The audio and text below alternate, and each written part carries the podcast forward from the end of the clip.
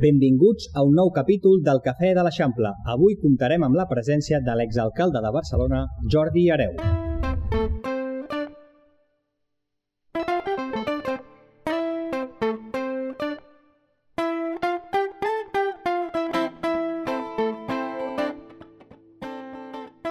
Benvingut, Jordi.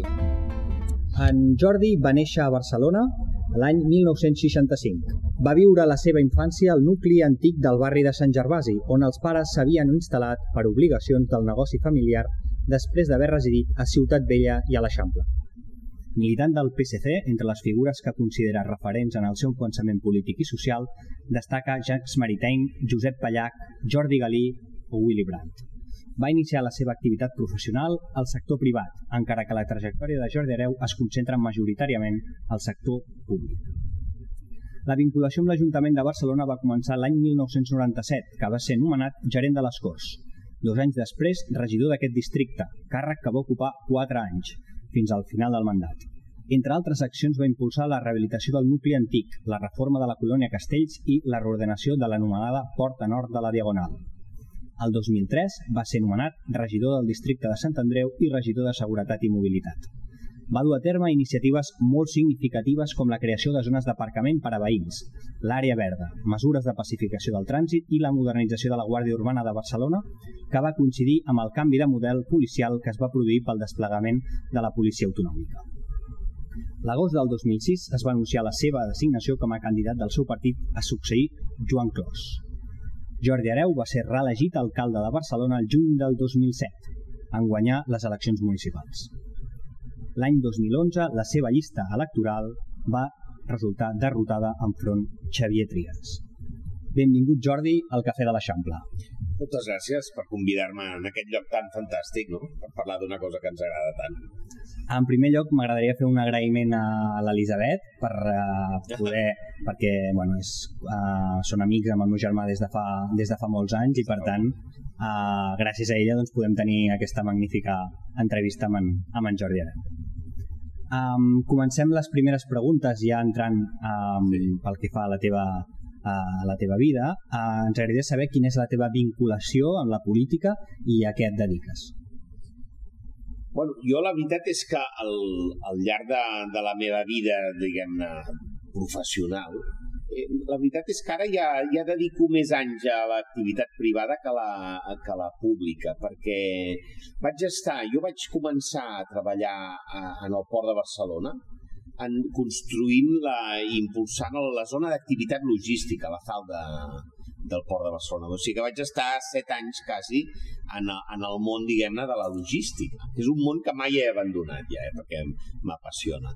Després he estat 14 anys, vaig estar 14 anys en la política municipal, que és una etapa, bueno, per mi meravellosa, eh, perquè és un, és un privilegi poder viure no, la construcció de la teva ciutat des d'un àmbit tan bàsic com és el seu ajuntament. Vaig estar 14 anys, però ara aquest any fa 10 anys que sóc autònom. I perquè quan vaig deixar la política institucional Llavors vaig iniciar com una nova etapa. I la vaig fer com a autònom perquè tenia clar que voldria treballar en coses que m'interessessin i, i per tant bueno, vaig fundar junt amb un amic una empresa de consultoria de, de ciutats que es diu Identity i per tant portem 10 anys treballant sobre territoris i ciutats però des de l'àmbit privat, eh, des de l'empresa privada. I ara des de fa un any i quatre mesos que presideixo una empresa de telecomunicacions per satèl·lit que es diu Ispasat i que és un món que t'he de dir que és fascinant és fascinant perquè, tot i que sembla un món molt allunyat de la nostra realitat, des d'una altra perspectiva treballa per la connectivitat digital i per tant treballa també pel desenvolupament de territoris. No? Això més amb col·laboracions que tinc amb institucions com el Fòrum Ambiental, per tant l'economia ambiental, i també Barcelona Centre Logístic sempre he mantingut un lligam perquè em relliga amb aquesta vocació de... Jo sóc un portuari inicialment eh? i per tant bueno, he combinat activitat empresarial privada amb l'activitat pública. Jo vaig estudiar Ciències Empresarials a l'Escola ISADE de Barcelona i sempre m'ha agradat molt el món empresarial i sempre m'ha agradat molt també la gestió pública, la gestió de lo col·lectiu. Per tant, bueno, sempre deia que era un alumne raro jo ESADE a vegades, no? tot i que ESADE transmetia molts valors de l'empresa al servei de la societat. No? Però bueno, sempre m'ha agradat aquesta combinació. En conseqüència, crec molt en poder entrar i sortir de la política. Eh? I, i crec que, a més, crec que és un dels temes que aquest país ha de resoldre bé, no? El, el convertir la política en una etapa de la teva vida, però no només la teva vida, la política institucional. Bueno, dit això, per tant, jo vaig deixar la política institucional, el que sí que estic plenament, doncs, eh, soc militant del meu partit, ho soc des de fa molts anys ja, doncs ja prop d'aquí poc farà 30 anys que milito en el Partit Socialista i per tant sóc un militant de base del Partit Socialista i un ciutadà de Barcelona apassionat per la seva ciutat, que és una característica molt bàsica dels barcelonins. Eh? Uh -huh. Uh, ara fa uns mesos ens ha deixat a Oriol Boigas. Sí. Um, quin llegat ens deixa Oriol Boigas? Home, ens deixa... Oriol Boigas és una persona molt polifacètica, no? Escolta, és un gran arquitecte i un gran urbanista.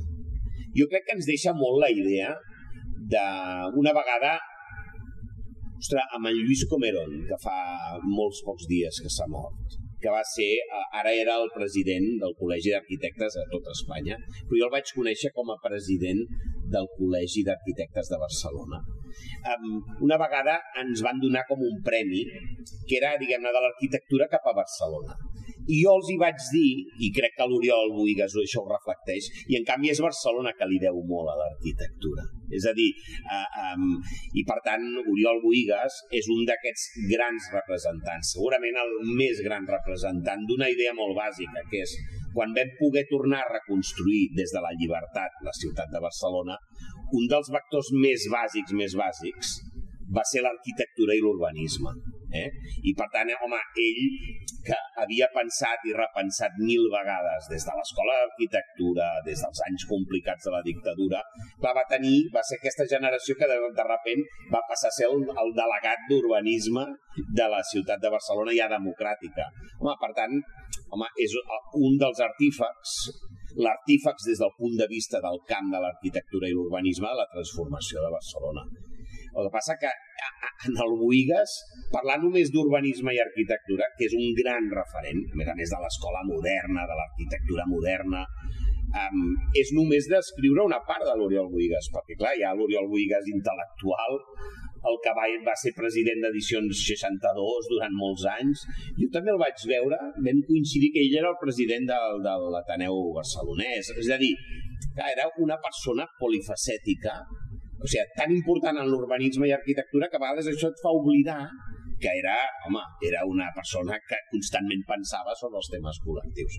Bueno, i sobretot diria, hòstia, un, un apassionat de la ciutat de Barcelona i de l'arquitectura, no? com a vehicle. No? Clar, ho diem aquí, en la Pedrera, o sigui, edifici no? emblemàtic de la ciutat, que fa Barcelona de, des de fa més de, un, de, de 100 anys, i en el vell mig de l'Eixample, no? O sigui, gran exemple d'urbanisme, no? Bueno, pues, bueno, escolta, clar, parlant aquest, entre aquestes parets de Buigas és com, bueno, no sé, un gran homenatge. Mira, una anècdota, vam poder fer un llibre de converses amb ell fa molts anys. I, bueno, jo vaig pensar, clar, és que és, un, és com un plaer, és, és, és estar al costat d'un mestre, no? I, bueno, i a la vegada una persona molt entranyable, molt entranyable, molt interessant i sobretot molt lliure. Per tant, molt barceloní, saps? O sigui, deia el que li passava pel barret en el sentit amb tota llibertat. Eh? I és veritat, a vegades provocava, no? Provocava perquè les seves idees, ostres, eren i les expressava en plena llibertat, diguem-ne, no? Bueno, una persona molt entranyable, molt interessant. Jo crec que el trobarem a faltar. No? El, bueno, un dels reptes de la ciutat és aquests buits que ens deixen aquests grans personatges, com els emplenem ara, no? I estic segur que ho podem fer, però ostres, deixen un buit important, la gent que és tan rellevant, no? Un altre nom il·lustre que ens ha deixat fa pocs dies ha estat Ricardo Bofill, l'Hotel Vela, l'Institut Nacional d'Educació Física Montjuïc, l'edifici Walden, el Teatre Nacional de Catalunya, entre altres obres, en recorden el seu llegat. En va tenir relació? Jo vaig tenir menys relació amb el Ricard Bofill, però clar, parlar de Ricard Bofill és, clar, és que és un altre gran referent, segurament en molts temes, eh, diguem-ne, amb una dialèctica, amb un enfrontament, eh, representaven línies de pensament a vegades contraposades, justament amb l'Oriol. Però clar, o sigui, Martiner, una, un arquitecte global, o sigui, un arquitecte internacional d'aquests que des de Barcelona eh, o des del Walden eh, que, eh, bueno, ha expressat la nostra arquitectura al món, però a la vegada ell ha estat absolutament inserit en el món, en l'arquitectura. És d'aquells arquitectes globals, perquè la seva obra està aquí i està a tot el món. No? Jo, el contacte que vaig tenir, sobretot, va ser amb la Terminal 1 de l'aeroport de Barcelona, que jo com a alcalde vaig tenir el plaer d'inaugurar, eh, junt amb altres autoritats, el 2009. Clar, sí que em va ensenyar eh, o sigui, vam coincidir amb ell diverses vegades i recordo que em va ensenyar el que va ser la maqueta del, del, de la Terminal 1, que és una expressió més de, de, de la seva arquitectura. Eh? l'Oriol era més racionalista, aquests, no? Modernitat, postmodernitat, eh, aquest era, diguem-ne, de corrents a vegades diferents, històricament, cal dir-ho, a vegades políticament també confrontats, però jo he de dir que, per tant, és un altre dels grans arquitectes, no? Llavors, home, jo em quedaria amb una cosa, ostres, que meravellós una ciutat de la qual emergeixen gent tan potent, no? I a més a més els seus diàlegs i els seus debats, a vegades acarnissats, diguem-ne, eh? i les seves trajectòries, no? Bueno, el Ricard Bofill és la persona que diu, bueno, jo me'n vaig cap al món, a vegades sortint d'una línia més d'aquí, no? I, i va fer-se al món, diguem-ne. Però després, en canvi, és veritat que ha vingut en moltes formes i en molts edificis, diguem-ne com tota Barcelona de batuts. Eh? O sigui, el Teatre Nacional, no sé què, bueno, és que eh, és magnífic, trobo, no? Com l'arquitectura genera un profund debat en una ciutat que s'interessa bastant per allò que és públic. I això jo crec que és una molt bona característica, no? N'hem d'estar orgullosos tant d'en Bufill com del Boigues, no? I novament dic, bueno, aviam com ho emplenem aquests buits, no?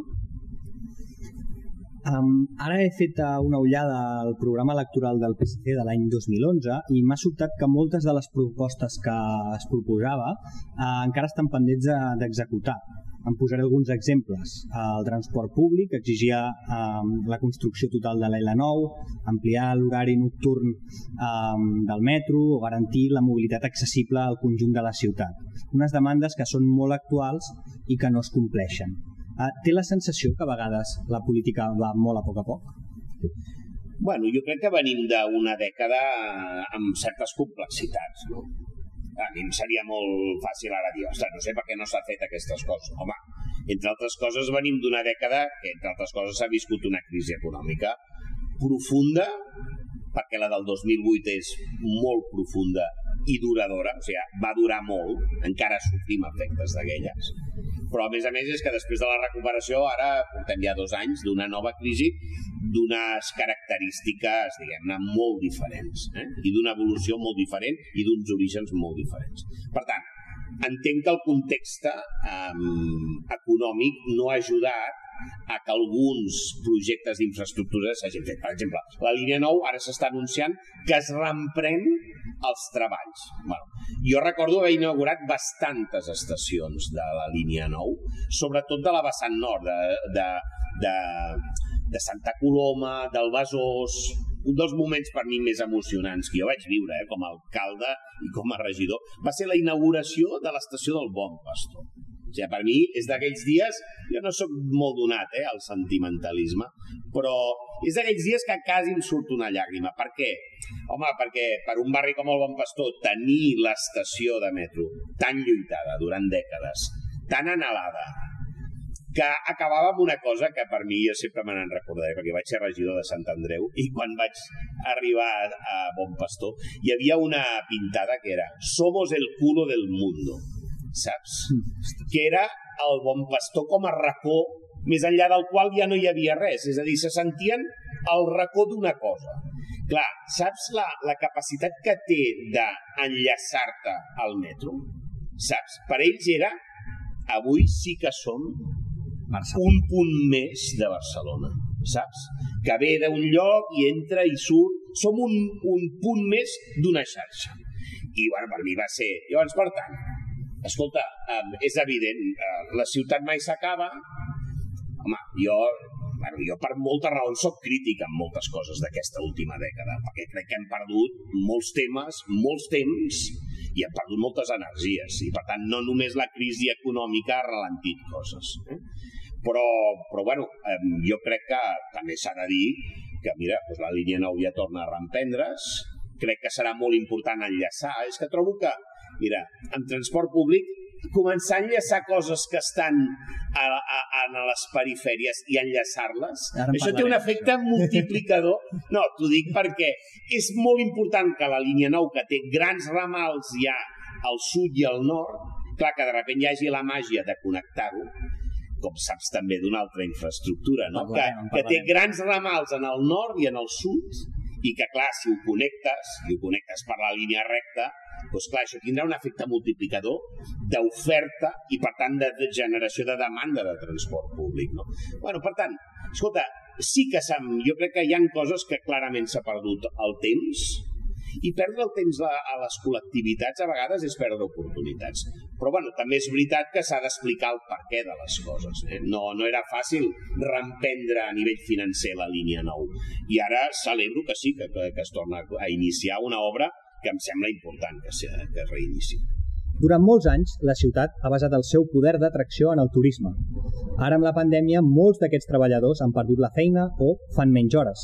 Vostè parlava de potenciar les polítiques de promoció econòmica com la creació dels espais o la culminació del 22 arroba, la nova zona franca, l'àrea de la Sagrera amb accions de projecció internacional i foment del comerç. Creu que les prioritats són ara les mateixes que l'any 2011? Jo he estat regidor de mobilitat, per mi és dels moments més fascinants, perquè mobilitat, seguretat de la ciutat, però la mobilitat... La mobilitat és un dels aspectes que millor defineix el caràcter i els valors d'una ciutat. Quasi podríem dir, digue'm com et mous i et diré quins són els teus valors profuns. Per tant, la, la mobilitat connota moltes coses d'una ciutat. I és veritat que per mi és ostres, com ens, com ens repartim eh, temps i espai? No? el temps i l'espai. És una de les expressions més clares de ciutat intel·ligent o ciutat poc intel·ligent, eh? perquè és una construcció social, eh? és un pacte social. I per això a mi sempre m'ha agradat molt la idea del pacte per la mobilitat, que és un producte genuïnament barceloní, que jo he explicat a molts llocs del món. I sempre dic, respecte a grans costos d'infraestructures, això és bastant barat. És una taula, potser algun got d'aigua i la capacitat d'acordar. I això sí que és una Smart City. És això. És això. És això. Després li posaràs la tecnologia, però la posaràs al servei d'un acord social. Llavors, la mobilitat, eh, home, en una ciutat densa com Barcelona, molt mediterrània, eh, on té, diguem-ne, per metre quadrat, quilòmetre quadrat, una ingent quantitat d'activitat econòmica, de barreja social, de ciutadans, bueno, evidentment que és un repte, no? Ho és a tot arreu. Ara, bueno, jo el que crec és que crec molt en l'idea del pacte, crec molt en la legitimitat de l'existència de tots els modes de transport, perquè tots ells són legítims, i, i crec molt, per tant, abordar, diguem-ne, la, la, la mobilitat, és veritat, s'ha fet més complexa s'ha fet molt més complexa. Um, jo els hi he dit a les regidores de mobilitat actuals, no? Dic, ostres, el vostre és més complexa que el meu, que no era fàcil, però per què? Home, ha irromput la digitalització, que permet l'aparició de moltes noves formes d'entendre's i connectar, i una cosa que ha canviat substancialment, que és l'emergència climàtica. I, per tant, digitalització més emergència climàtica, ara són factors que, home, condicionen moltíssim les polítiques de mobilitat. Eh? Llavors, jo que participo dels fins últims no? que hem d'aconseguir, perquè, escolta, els acords de París, la nova agenda urbana, els ODS, tot això, ja és, o sigui, són objectius ja no discutibles. Segurament ara la discussió és camins, ritmes, el com arribes. No? Doncs jo en això sóc un ferm partidari de defensar els objectius i ser, diguem-ne, eh, no dogmàtic en els camins per arribar. Eh? Llavors, home, crec en un mix de mobilitat ben compaginat, on evidentment la tendència que no és de fa 3 anys, d'anar guanyant espai i reconquerir l'espai públic pels modes ni contaminants ni invasius de la ciutat, és una tendència que cal anar fent, diguem-ne, perquè és molt important.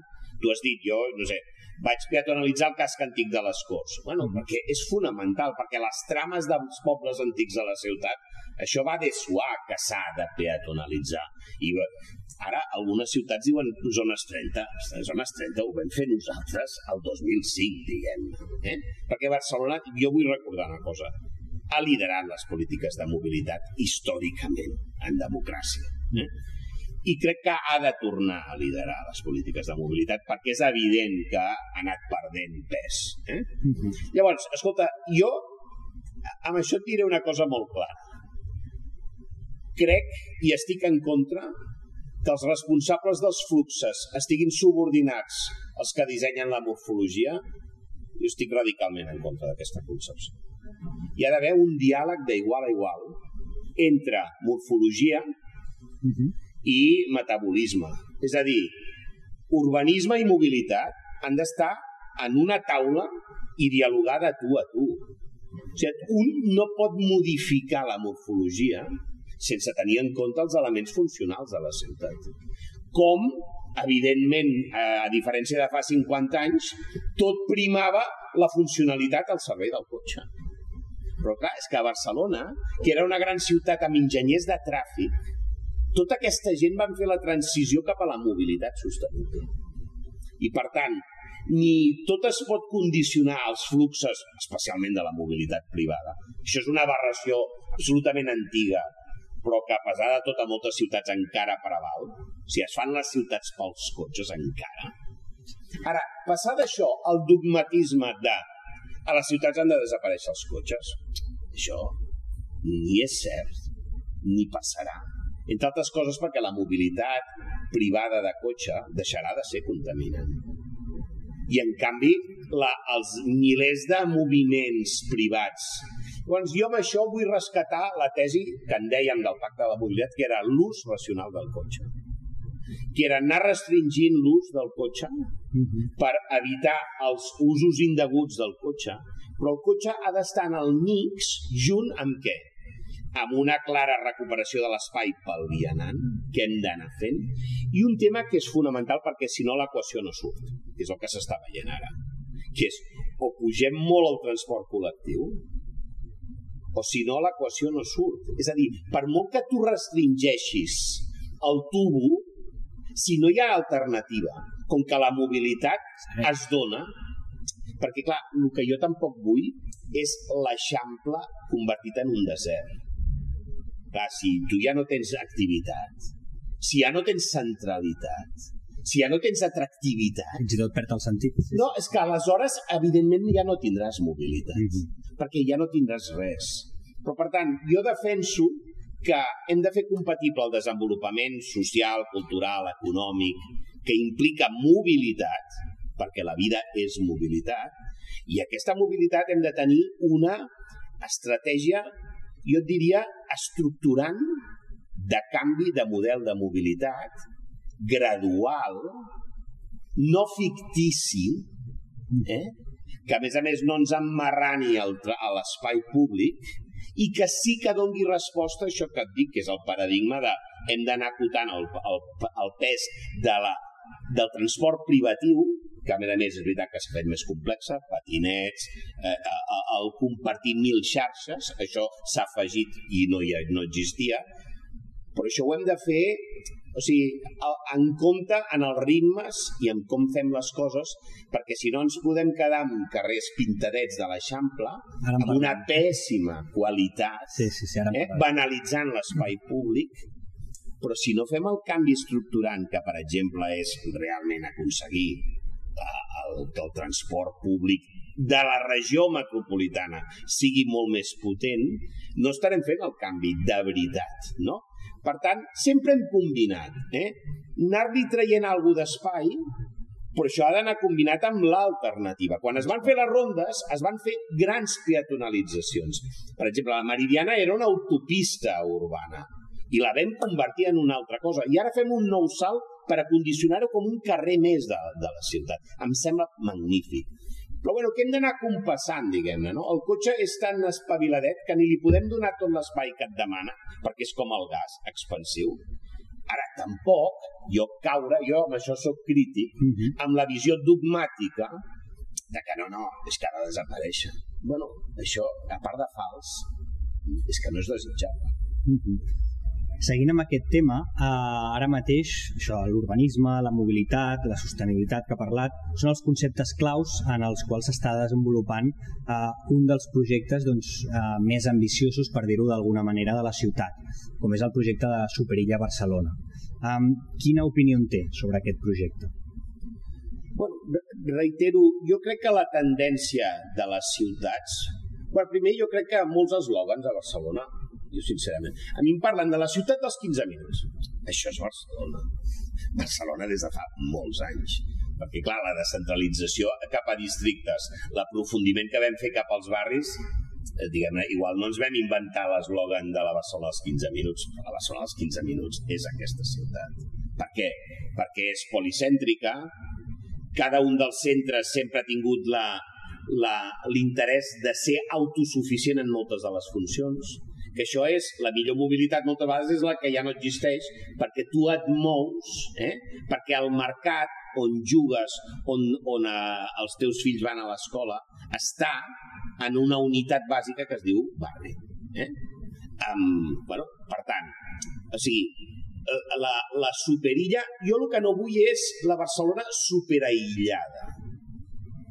Vale? Jo el que no vull és la Barcelona superaïllada i en canvi, home, eh, que també en l'Eixample hem d'anar guanyant quotes eh? d'aquesta batalla per la reconquesta de l'espai públic es pugui donar, sí. Però reitero, o sigui, en l'Eixample, molt respecte. L'Eixample, o sigui, hi han dècades eh, d'intel·ligència col·lectiva posada. I a més a més hi ha la genialitat d'algú que en el segle XIX va dissenyar i va fer el pas, el pas de construir millor societat a partir d'un millor urbanisme. Eh? O sigui, I Ildefons Cerdà va estudiar les condicions socioeconòmiques i de salubritat de la ciutat vella per dissenyar aquesta meravella que es diu Eixample. Per tant, home, jo, això de refundar l'Eixample eh, i la trama Cerdà, bueno, una mica més de, una mica més de, és a dir, de respecte, diguem-ne. Per què? Bueno, home, perquè, mira, per exemple, amb democràcia que hem anat fent? Les diagonals de l'Eixample, eh? Avinguda Gaudí, uh mhm. -huh. Mistral, Avinguda Roma, les que eren diagonals, i ara què ens queda? La gran diagonal. Vale? Perquè les diagonals, home, des del punt de vista de fluxes, no és el més eficient. I per tant, això ja ho hem anat pacificant. Vale? I ens queda la gran assignatura de la diagonal. Hi ha altres carrers, per exemple, Borrell. Borrell. Yeah. Carrers que, com que tenen, jo què sé, pues, l'escola industrial, etc, i es veu que són carrers Zona que 3. no articulen. Exacte. Sí, sí, sí. També ja s'han anat pacificant. Un altre, Enric Granados. No? Ja són de facto zona 30. Són de facto sí, sí. zona 30. Exacte. Llavors, no, ho dic també perquè a vegades sembla que algú ara inventa... el món. Sí, sí, sí. Això. Llavors, per tant, home, jo que alguns eixos es puguin anar guanyant aquest espai, etc. Jo el que demanaria és que es respectés més la idea del xamfrà. Molt important. Perquè, diguem-ne, escolta, eh, eh, torno a dir, totes les funcions, també la logística de mercaderies, càrrega, càrrega descàrrega, etc. Llavors aquí torno a la idea. Estic d'acord amb anar avançant, però si plau demano que entre el que dissenya la morfologia i els de les funcions que s'hi ha de donar en aquest espai hi hagi el diàleg necessari. Perquè si no, ens fem trampes. És a dir, utilitzar un moment on la mobilitat desapareix per un factor global internacional d'una pandèmia. Home, ja sempre hem anat aprofitant moments per fer una passa. Però jo crec que aquí s'han passat. Vale? S'han passat perquè, com que no hi ha hagut canvi estructurant en el transport públic, l'entrada de les... quan, eh, quan la vida torna i per tant el dinamisme i la mobilitat torna i a més a més volem que torni amb força, no? o és que no volem una recuperació potent en termes econòmics. I això vol dir molts més moviments, molts més desplaçaments. Eh? I a més a més amb l'erupció de l'e-commerce encara més. Eh?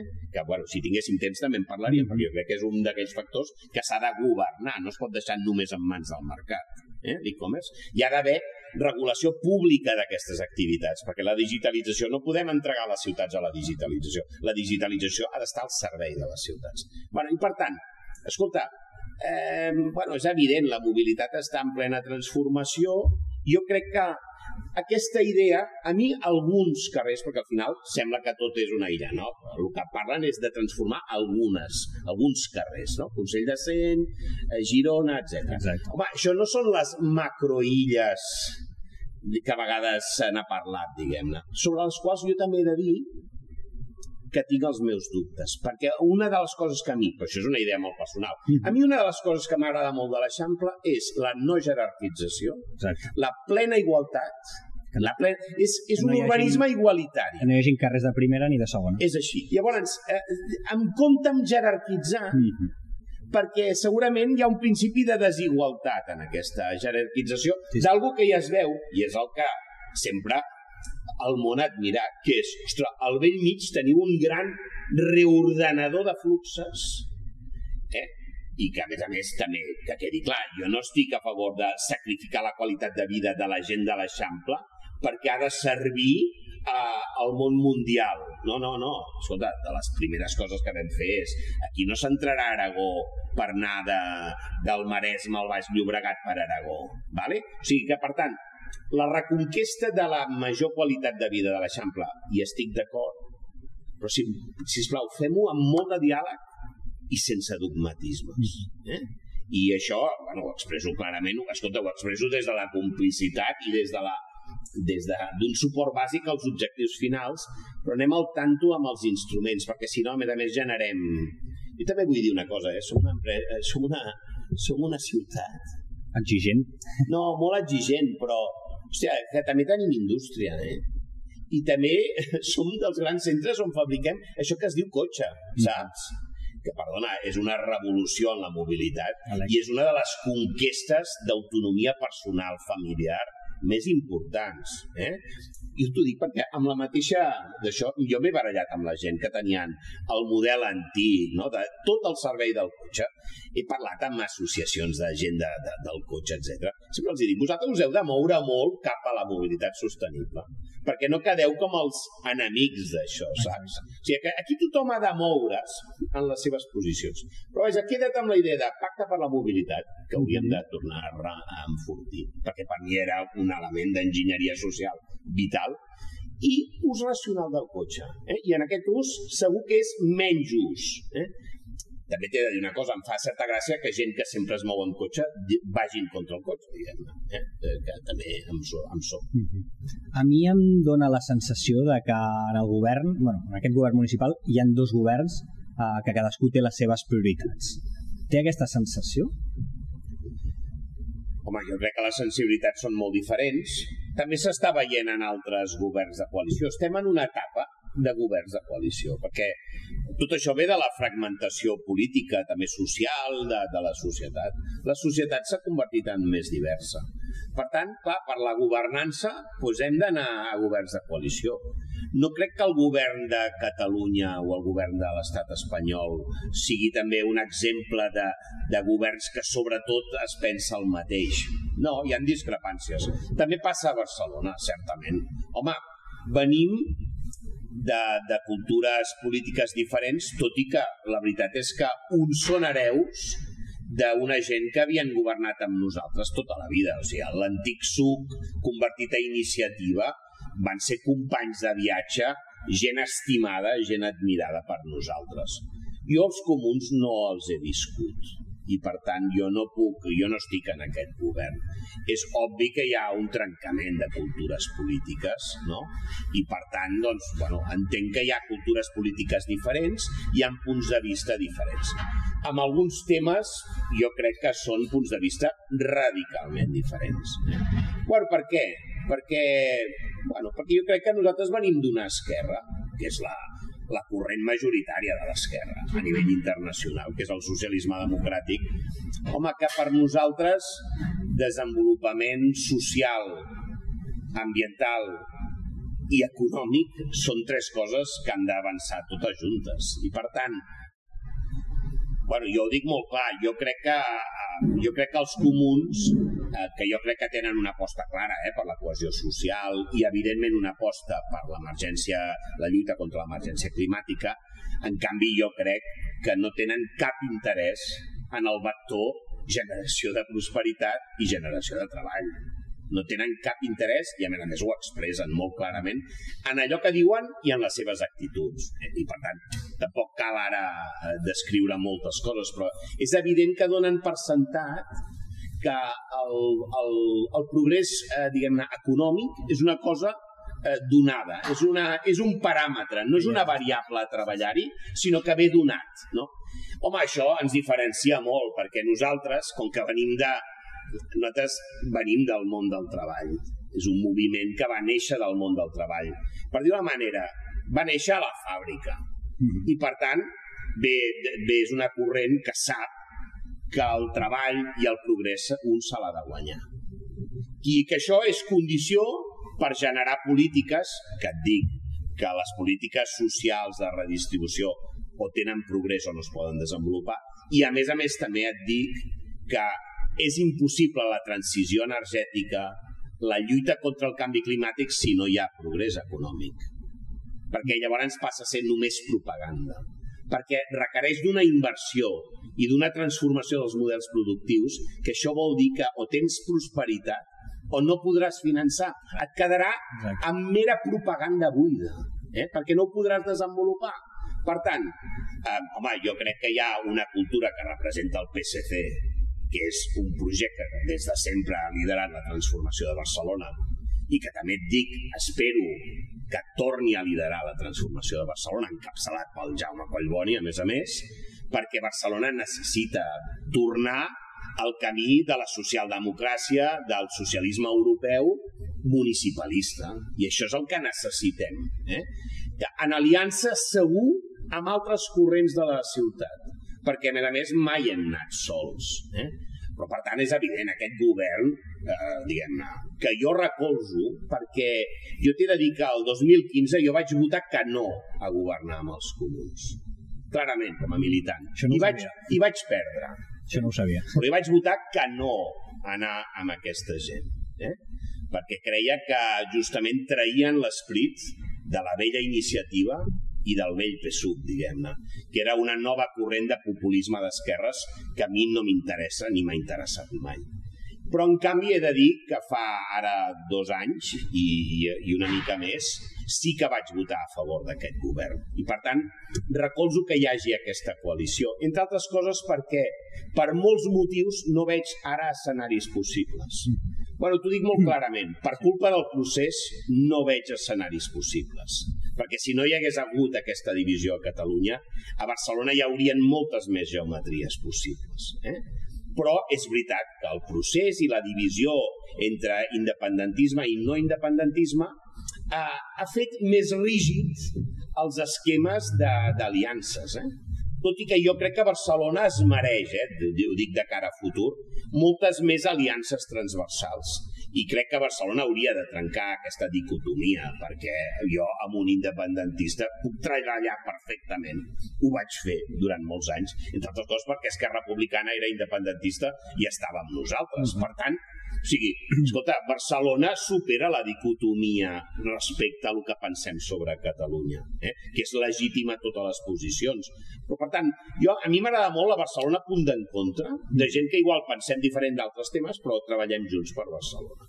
Llavors, per tant, aquest govern jo el recolzo, ara constato, que és evident, perquè si no, no seria sincer, de que hi ha en molts temes profundes divisions i, i profundes discrepàncies de molts temes. O sigui, el sentit institucional, el sentit de les institucions, el sentit de molts temes, és veritat, home, que ens diferencien les estratègies de promoció econòmica de la ciutat. Ara en parlarem. Uh, I per tant, bueno, és evident.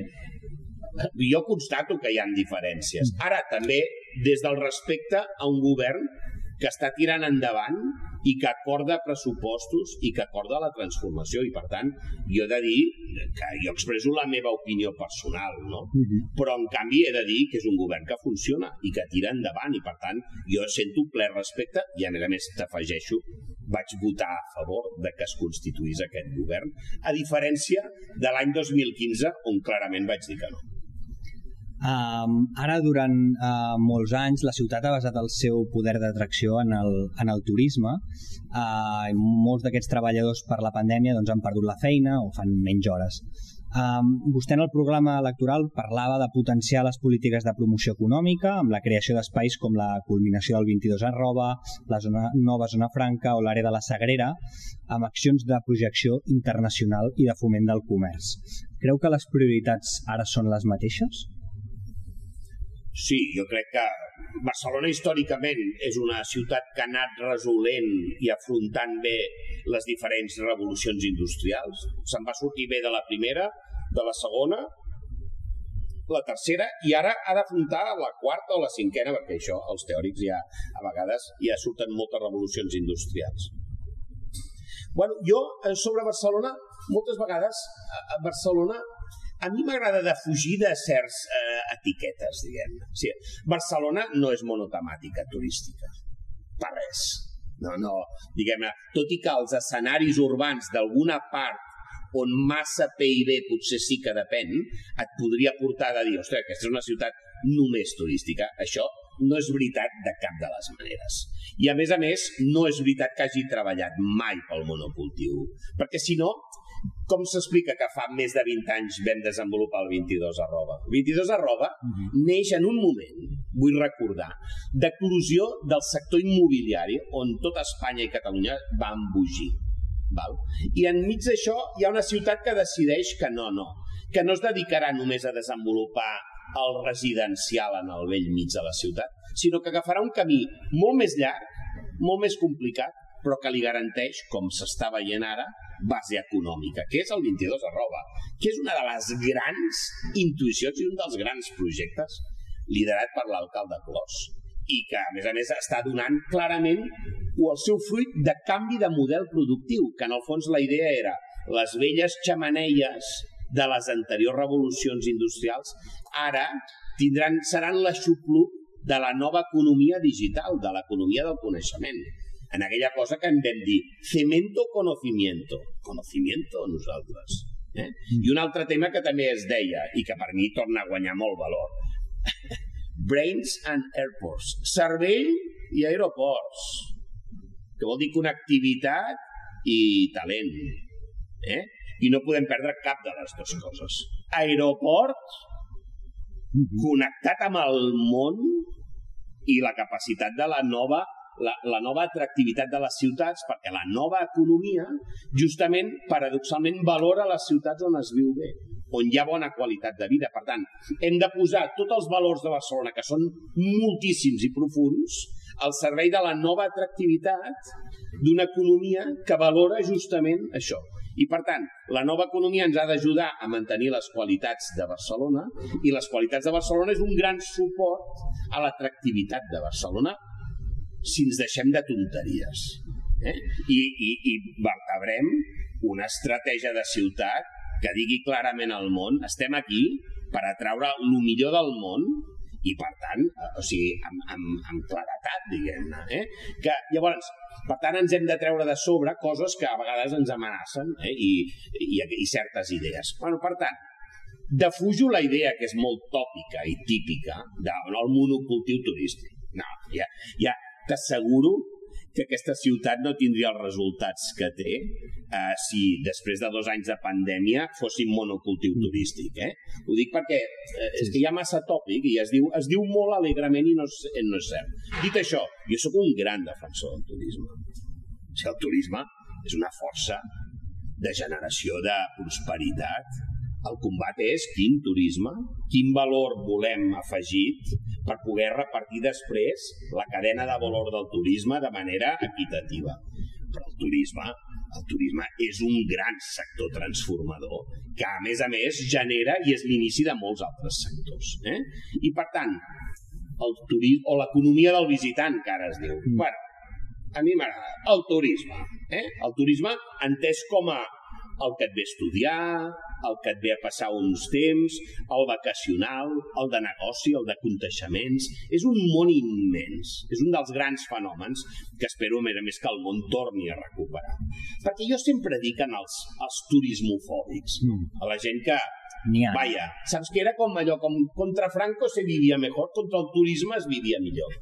Quina Barcelona ens ha generat? Tenir zero turisme és fantàstic la Barcelona sense turisme? O sigui, els escenaris que hi ha gent que han trobat, que, que fantàstic, que bé que es viu sense turisme, no? Doncs dir, però en aquest paisatge d'aquesta ciutat també hi comptes les cues de milers de persones esperant a rebre menjar? Això és, en això aquesta Barcelona esplèndida sense zero turisme, perquè clar, hem viscut un experiment que, vaja, sí, sí. els enginyers socials mai haguessin pensat, que hem viscut la Barcelona del zero turisme. Sí, sí, sí, sí. Us ha agradat la Barcelona del zero turisme? No. Sí que crec que ens ha ensenyat algunes coses que haurem de millorar.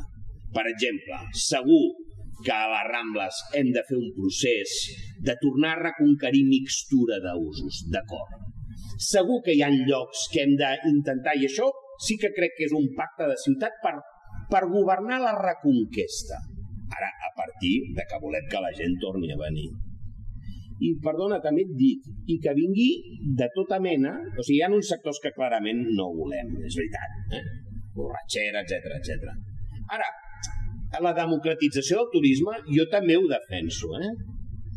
I és evident, un dels temes és que hem d'apostar, no? Hem d'apostar. O sigui, jo quan veig que algú va decidir que el Four Seasons no vingués aquí, és per felicitar-los, saps? Perquè això sí que és autolimitar-te i perdre la capacitat d'agafar un segment molt interessant del món. Que després ja serà la teva preocupació com redistribueixes els efectes. Eh? Però, home, que necessitem recuperar també un bon sector turístic, jo això ho defenso a capa i a espasa. Eh? I per tant, bueno, escolta, defensa de la mixtura econòmica, aposta per nosaltres, eh, sempre ho hem dit, nosaltres tenim molts sectors Eh? No podem ser bons només amb un. Eh? I això ja... No, però heu de prioritzar. No, tenim port, tenim logística, tenim indústria, tenim biomedicina, tenim la nova economia digital, tenim serveis, tenim una gran restauració, tenim turisme, tenim allotjament... Bueno, no, és, és apostar, jo també t'he de dir, crec que hem d'apostar per tots els fronts. O sigui, nosaltres hem de passar una ofensiva en tots els fronts. Um, en tots els baròmetres, la seguretat és un dels principals problemes que detecten els ciutadans. Quan vostè va ser alcalde, parlava sempre de no baixar la guàrdia en la seguretat, garantir la dotació de Mossos d'Esquadra, crear la justícia de, pro de proximitat. Ara mateix tenim greus problemes de multireincidència i de furs. Quin és el, quin sí. és el problema principal? Bueno, jo, jo crec que amb seguretat, en termes de dades, hem millorat respecte a fa dos i tres anys um, sempre amb seguretat hi ha realitat i percepció de realitat. No? I després també hi ha percepció que nosaltres tenim, ciutadans de Barcelona, que som gent exigent, no? i també la percepció que pugui tenir el que et visita, i per tant també la, comparant, la comparació amb altres ciutats del món. O sigui, per tant, ho dic perquè és una tradició barcelonina creure que estem eh, en el pitjor dels mons, diguem-ne. I jo crec que això tampoc ajuda a millorar. O sigui, en termes internacionals, la ciutat de Barcelona, com en general les ciutats europees, estan molt millor que la resta del món, diguem-ne. Eh? Perquè analitzar les seguretats de les ciutats eh, de Llatinoamèrica o de Nord-Amèrica, d'Estats Units, és una broma al costat de les condicions de seguretat de Barcelona, diguem-ne. Eh? O sigui, per tant, partim d'un tema. Estem en la part del món on la seguretat urbana eh, la seguretat ciutadana està més bé. Dit això, home, és evident que nosaltres tenim uns problemes que a més a més veig que no acabem de resoldre perquè jo he estat regidor de seguretat i per tant multireincidència, els furs, hi han elements legislatius que la batalla seria, si plau, els que heu de legislar, perquè no us passeu un dia, uns dies a Barcelona i us expliquem com adaptar certs principis legals a la, a la mecànica. Això és un tema molt important. Crec que s'està fent una clara aposta. O sigui, jo defenso les polítiques de seguretat que s'estan fent, que és anar reforçant la teva policia i després anar exigint de Mossos d'Esquadra. Jo un comentari sobre... que és un comentari en positiu, però que em preocupa de Catalunya. O sigui, a Catalunya s'ha de fer, i t'ho dic des dels valors de l'esquerra, mm-hmm. un gran, una gran defensa de l'autoritat democràtica. Sí, nosaltres hem de fer una reconquesta del reforçament de l'autoritat democràtica. Perquè em preocupa que algunes coses no hi hagués un diferencial en contra de Catalunya respecte, per exemple, a la resta de l'Estat. O sigui, em preocupa que tinguem un percentatge d'ocupacions que és un percentatge elevadíssim respecte a l'Estat, i aquí hi ha un factor diferencial que m'agradaria veure les causes, em comença a preocupar molt els fenòmens d'irrupció del mercat de la droga d'una manera desaforada, que això, si agafa entitat, t'acaba minant sistema democràtic. Mm -hmm. Adverteixo que això és una cosa que s'ha d'aplastar molt ja, diguem-ne, perquè si no és una metàstasi que t'acaba eh, corrompent coses. Eh?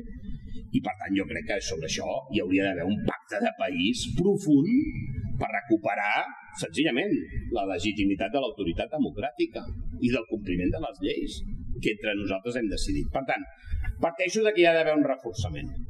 Home, en el present no sóc molt, perquè més aviat els corrents generals mediàtics, eh, de l'opinió pública i publicada, van en contra d'això.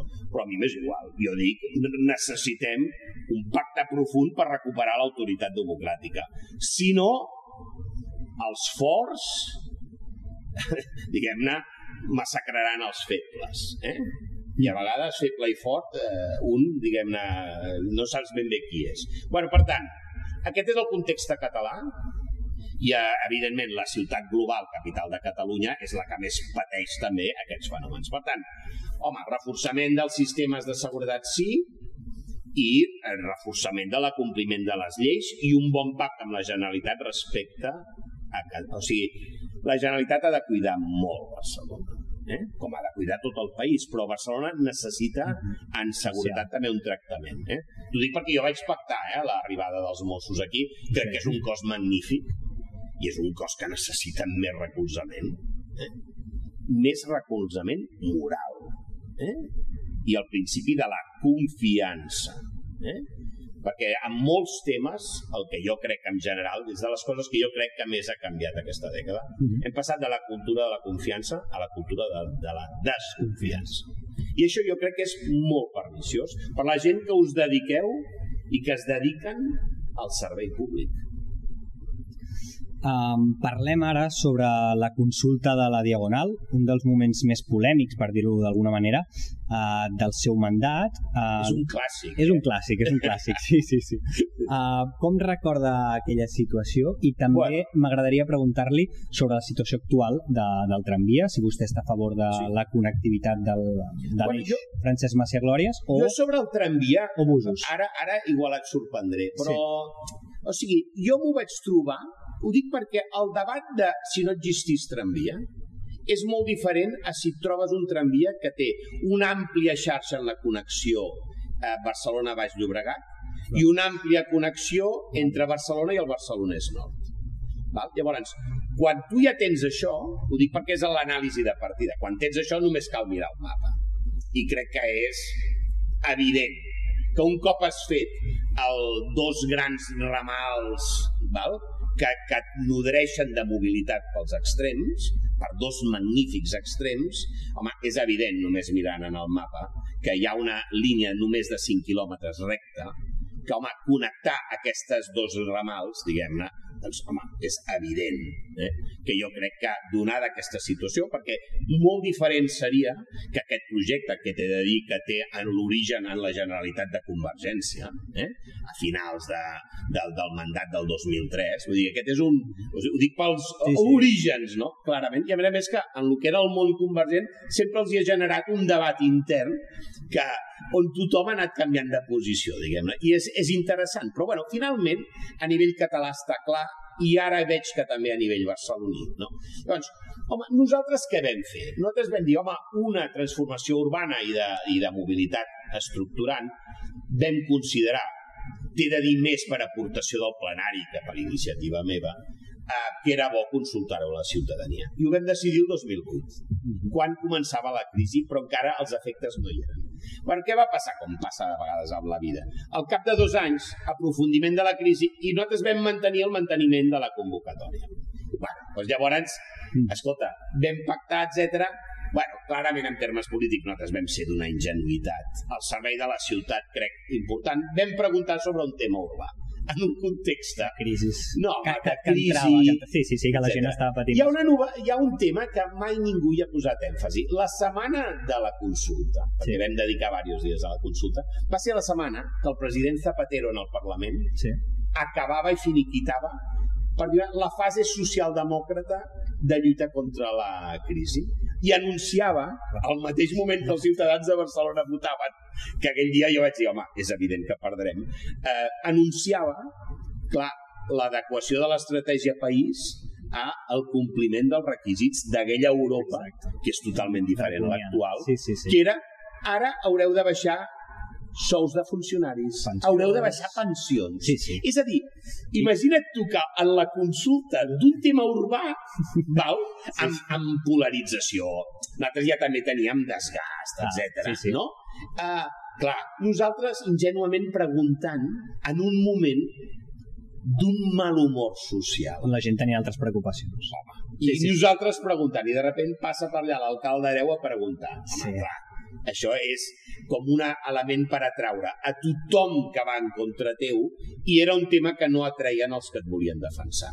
Sí. Això és el que va passar. Sí, crec que ho fas per... un anàlisi que penso que és igual que el que jo penso. Eh? Sí, sí, no, vull dir, ho dic també per desdramatitzar. Perquè ha sí, que diu, no. no, perquè l'alcalde Areu va perdre pel tema. No, és al revés. Vam perdre el, el, vam perdre el referèndum perquè ja hi havia uns elements de base oh, sí. forts, que a més a més ja es va veure, vull dir, es va acabar el govern d'Espanya, el govern de Catalunya tripartit, ah, i, i nosaltres, que a més a més també t'he de dir, home, ja veníem de 32 anys, sí, és a dir, ja, ja, també hi havia elements barcelonins propis i segur que errors propis nostres. Ara, home, és d'una certa ingenuïtat, però també t'he de dir una cosa bueno, vam preguntar, és a dir, tampoc vam cometre sí, sí, sí, cap... O sigui, vam preguntar. I és veritat que els referèndums, com s'ha anat veient, perquè jo sobre referèndums... No, polaritzen, sí. Els... No, i en broma sempre dic, els referèndums eh, és com certes coses, les carrega el diable. És a dir, mm. i això, mira, jo ho he parlat amb... Mira, ho vaig ho he parlat hasta amb el president de Colòmbia, és a dir, que també va fer un referèndum sobre l'acord de pau, mm -hmm. vale? i que va perdre o el Cameron va perdre. Exacte, sí, sí, tant. Eh? O, o el primer okay. ministre italià hi va perdre. És a dir, els referèndums, saps? Eh, sobre segons quins temes és un instrument complicat, diguem. Et polaritzen i moltes vegades és que la gent ja l'utilitza per una altra cosa, diguem.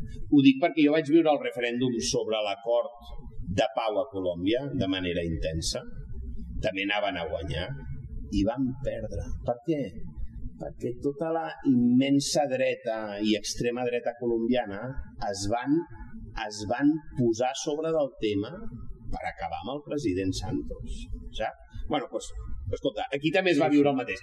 Dit això, escolta, veig que com que les col·lectivitats evolucionen, doncs, bueno, doncs, eh, segurament, no ho sé, eh, però és probable que algun dia jo pugui agafar el tramvia, jo visc a les Corts, i pugui anar a veure el mar agafant un tramvia al costat de la Diagonal i anant fins a... Ja. En broma sempre li deia a l'anterior alcalde, en Joan Callau de Sant Adrià, dic, Joan, algun dia jo et vindré a veure des de les Corts agafant el tramvia i anant directe i recte.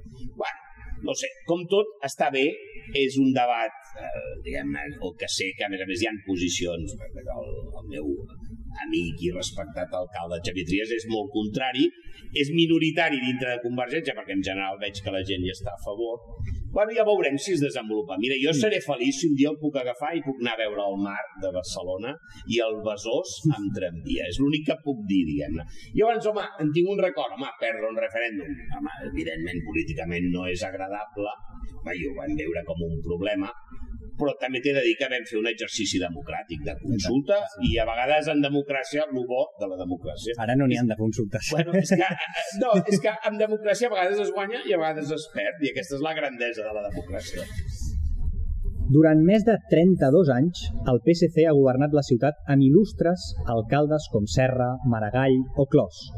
Què en destacaria de cada un? Com definiria amb una paraula els principals caps de llista que hi ha ara?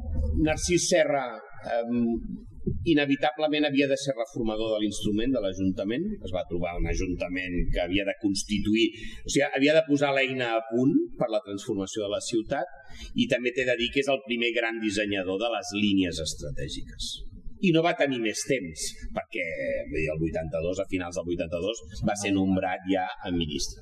Clar, sobre l'alcalde Maragall, eh, dir, o sigui, és a partir d'això que de la primera fase que ell també havia viscut, és el immens desplegador de la transformació d'Ajuntament i de, i, de, i, de tota, i de totes les línies. O sigui, jo li recordo, jo era petit, no, no era ni militant ni tal, però recordo, era petit, era jove, un, un míting que va fer on ell va fer una mica com el Martin Luther King, no? O sigui, eh, tinc un somni, Bueno, jo crec que la gran cosa de, de...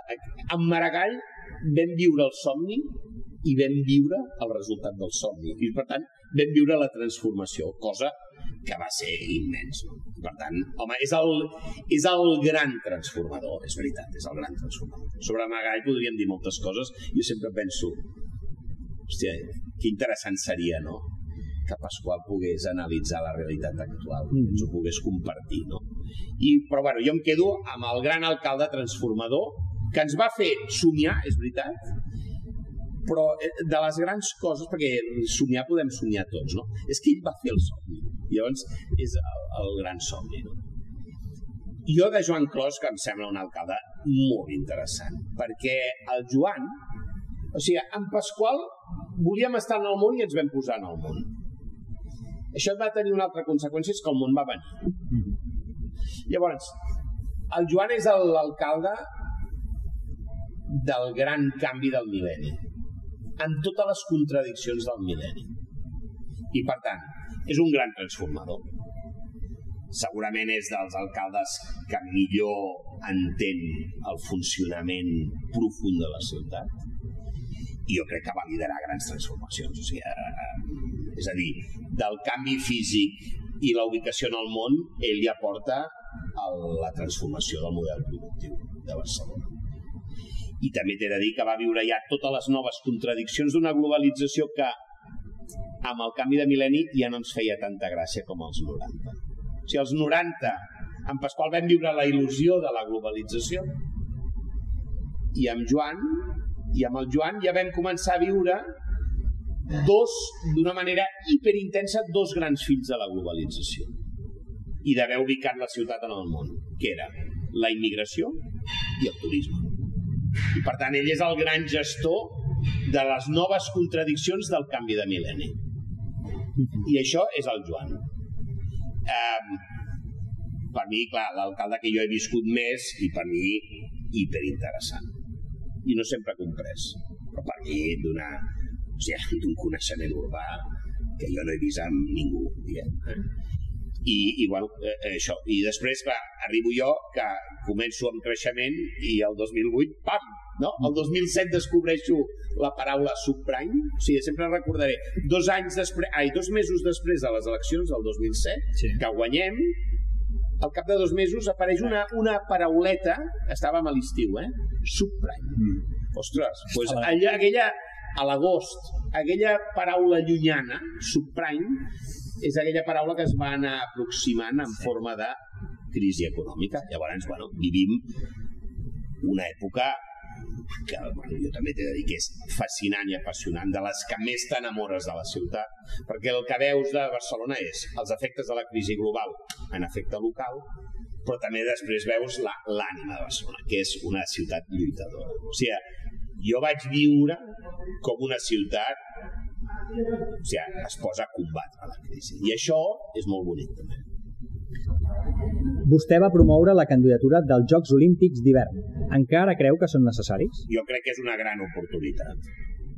I llavors, bueno, doncs mira, ara estem en un procés que el país ha de decidir si aprofita les oportunitats o no. Eh? Llavors, jo ho vaig expressar en el 2010, jo crec que es va explicar molt malament el perquè jo deia allò en aquell moment, que es va, es va com polititzar molt tot. És molt senzill, i ho dic molt clarament. Dos mesos abans hi ha una ciutat capital de l'Estat, que és Madrid, que torna a ser rebutjada en la seva candidatura no? dels Jocs Olímpics d'estiu. Nosaltres fins aleshores no haguéssim mai anunciat una candidatura per no interferir en aquest procés. Dos mesos després de que, per tercera vegada, crec, els hi van dir que no, nosaltres ja teníem plena llibertat per expressar un projecte olímpic. Per això ho vam fer el gener del 2010 i no ho vam fer abans, no, no. Ho dic perquè sempre s'ha volgut lligar a, a la conjuntura política. Doncs pues no, no és així, però bueno, és igual. Uh, nosaltres ho expressem a l'inici d'una dècada on creiem que sí que valia la pena utilitzar un, esdeveniment, un esdeveniment internacional per enllaçar Barcelona amb una Catalunya que és estimada i, i, i entranyable per nosaltres, però desconeguda en el món, que és el Pirineu. Una cordillera que tots sabem, els que estem aquí, que és magnífica, però que en el món no és coneguda. I llavors, l'argument era enllacem la potència global de Barcelona per posar el Pirineu en el món, val? i a més a més en això vertebrar l'important que és Catalunya. I aquesta era l'opció i aquesta és l'opció. Per tant, m'interessa tant Barcelona com el Pirineu, com el que hi ha entre Barcelona i el Pirineu, que també és el país. Val? Llavors, això era la il·lusió i amb el que ho vam presentar, perquè això ens tenim mil arguments per guanyar una candidatura d'aquestes característiques. Entre altres coses, ja hi ha cordilleres en el món, perquè això va de cordilleres. Hi ha cordilleres que ja han, ja n'han fet diversos de, de Jocs Olímpics. El Pirineu mai n'ha fet cap. I per tant, i a més tenia moltes connotacions. Pirineu com a ròtula, no com a mur de separació, Pirineu articulador de territoris, Pirineu, allà on va néixer tot. Hi, ha, hi ha moltes derivades que són hiperemocionants totes elles, diguem-ne. Eh? I són superpotents. Jo fa 10 anys deia, no ho necessita tant Barcelona com Catalunya, ara t'afegeixo que ho necessita Catalunya i Barcelona, perquè necessitem, no és per res, però necessitem guanyar eh? batalles, saps? Perquè jo, a mi aquesta... O sigui, a mi m'agrada la Catalunya triomfant, m'agrada la Barcelona triomfant i m'agrada l'Espanya confiada, diguem. I per tant, aquest és un projecte que tenia... Si estàs per a, a, afegir, diguem-ne, i sumar, té tots els ingredients. Si estàs per una altra estratègia, entenc que no. Ara, jo també vull dir molt clar, tots els requeriments socials, econòmics i ambientals estan incorporats al projecte. O sigui, no, no s'està dient moltes tonteries sobre el projecte. O sigui, és requisit ja. Ho era el 2010. Imagina't tu en el 2022. És requisit que són projectes ara que res de monumentalisme, res de gegantisme, res de fer infraestructura que després no utilitzaràs. I després hi ha un tema que em sembla sempre fonamental, ho he explicat sempre a tot el món. O sigui, és esdeveniments per projecte de ciutat, de país. Mai projecte de ciutat, de país per un esdeveniment. És al revés. O sigui, si tu tens una estratègia de Catalunya, és evident que utilitzaràs aquest esdeveniment. O no vam utilitzar nosaltres l'esdeveniment Jocs Olímpics d'estiu per transformar la ciutat? Escolta, molts Jocs Olímpics han fracassat a moltes ciutats. Segurament hi ha més exemples de fracàs, fracàs que d'èxit. Sí, sí, sí. Home, Però tu creus que la Catalunya actual no seria capaç de convertir això, que a més a més també cal posar-ho en la seva dimensió. O sigui, això no és d'estiu. O sigui, no cal extrapolar eh, i fer-lo més gran del que és. És l'esdeveniment que és. Però, perdona, entre altres coses, és la campanya de màrqueting que mai ningú et pagarà en el món perquè està 15 dies a totes les televisions del món, i aprofitar això per explicar el que tu i jo sabem del Pirineu, que és una meravella. Bé, doncs, compartir aquesta meravella amb el món és una mala cosa? En sèrio que és una mala cosa? Bé, llavors, jo també t'he de dir, home, si creus en països que tenen com a bo donar-se a conèixer el món, crec que és bo. Si creus que no, que és el reconec que tu te l'has de guardar per tu, que ningú el conegui, aleshores no, ja ho entenc que no. Uh, si tu vols desenvolupament social, econòmic i practicar la inserció, diguem-ne, d'un esdeveniment amb condicions de mediambientals de neutralitat, bueno, si ho vols experimentar, és bo. Si no vols experimentar res, no és bo. Ara, jo també dic, després de 12 anys, quina, sobre la taula, quina alternativa hi ha? O sigui, si a mi algú em diu jo tinc un projecte molt millor que aquest, molt, més, molt millor en tots els temes, jo t'asseguro jo que, que em vaig crear aquest concepte, jo renunciaria als jocs. Però al cap de 12 anys, Catalunya què ha fet emergir com a projecte? Qui, quin, quina alternativa hi ha? Quan es parla de, les, de la Catalunya buidada, del despoblament de les valls del Pirineu, eh, aquí, o sigui, a, aquesta gent que estan en contra d'aquest esdeveniment, quin projecte em diuen? Però que me'l contrastin, eh? O sigui, que me l'expliquin, eh? O sigui, com guanyarem, com repoblarem eh, el Pirineu? O és que en el fons el volem buit de gent? O ja donem per bo que no hi hagi ningú? Perquè aleshores alguns urbanites puguin anar allà a tenir el seu paisatge preferit. Bueno, jo, o sigui, ho dic per, sí, sí. per afrontar aquest debat. Per o sigui, per tant, jo li demano a la gent del Pirineu, li demano, crec que tenen una joia, i ells són una joia de gent, de cultura, de paisatge. Home, crec que a través del vector esport, lligat a un esdeveniment internacional d'un esport que a més s'ha de represtigiar. Perquè el nostre no és Sochi, no és ara Beijing, és els Jocs Olímpics d'un país democràtic, que és molt diferent d'aquesta mena de cosa, element propagandístic de règims autoritaris. Saps? És que és molt diferent el calor que li dona la llibertat a un esdeveniment. És molt diferent. Eh? Saps? Perquè jo he anat a eh, Jocs Olímpics de països autoritaris i és una altra cosa. I per tant, home, jo animaria a la gent. Animaria, animaria a la gent. I està molt bé que consultin. Eh? Està molt bé i ja no entro eh, als límits de la consulta, etc.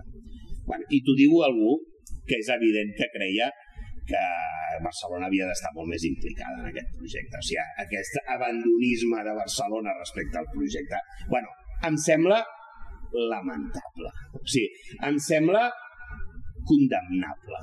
Eh? Aquesta mena de... És evident que a l'alcaldessa no li interessa per res. No? i és bastant evident, no?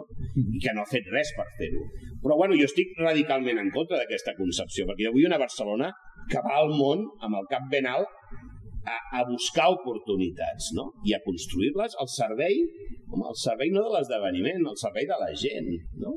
I, i per tant, bueno, jo ho defenso, però escolta, el de menys és que jo ho digués, vull dir, ho defenso com a català, diguem-ne. No? per acabar ja el programa, eh, ens agradaria que ens definissis cada cap de llista que hi ha en el grup municipal a, a Barcelona amb una paraula, cada cap de llista. Comencem per eh, Ada Colau, amb una paraula. Ego. A Ernest Maragall. Passió. Manuel Valls. Deslocalització. El Sartadi?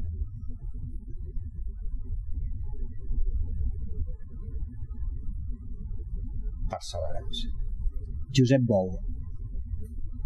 Espectacle. Doncs fins aquí el tercer capítol del Cafè de l'Eixample. Em permets acabar? I tant. Jaume Collboni, alcalde. D'acord, me l'havia deixat. Molt bé. Um, moltes gràcies, Jordi, per participar en aquest capítol del Cafè de l'Eixample. També als espectadors per seguir-nos uh, un cop més i ens veiem en propers capítols.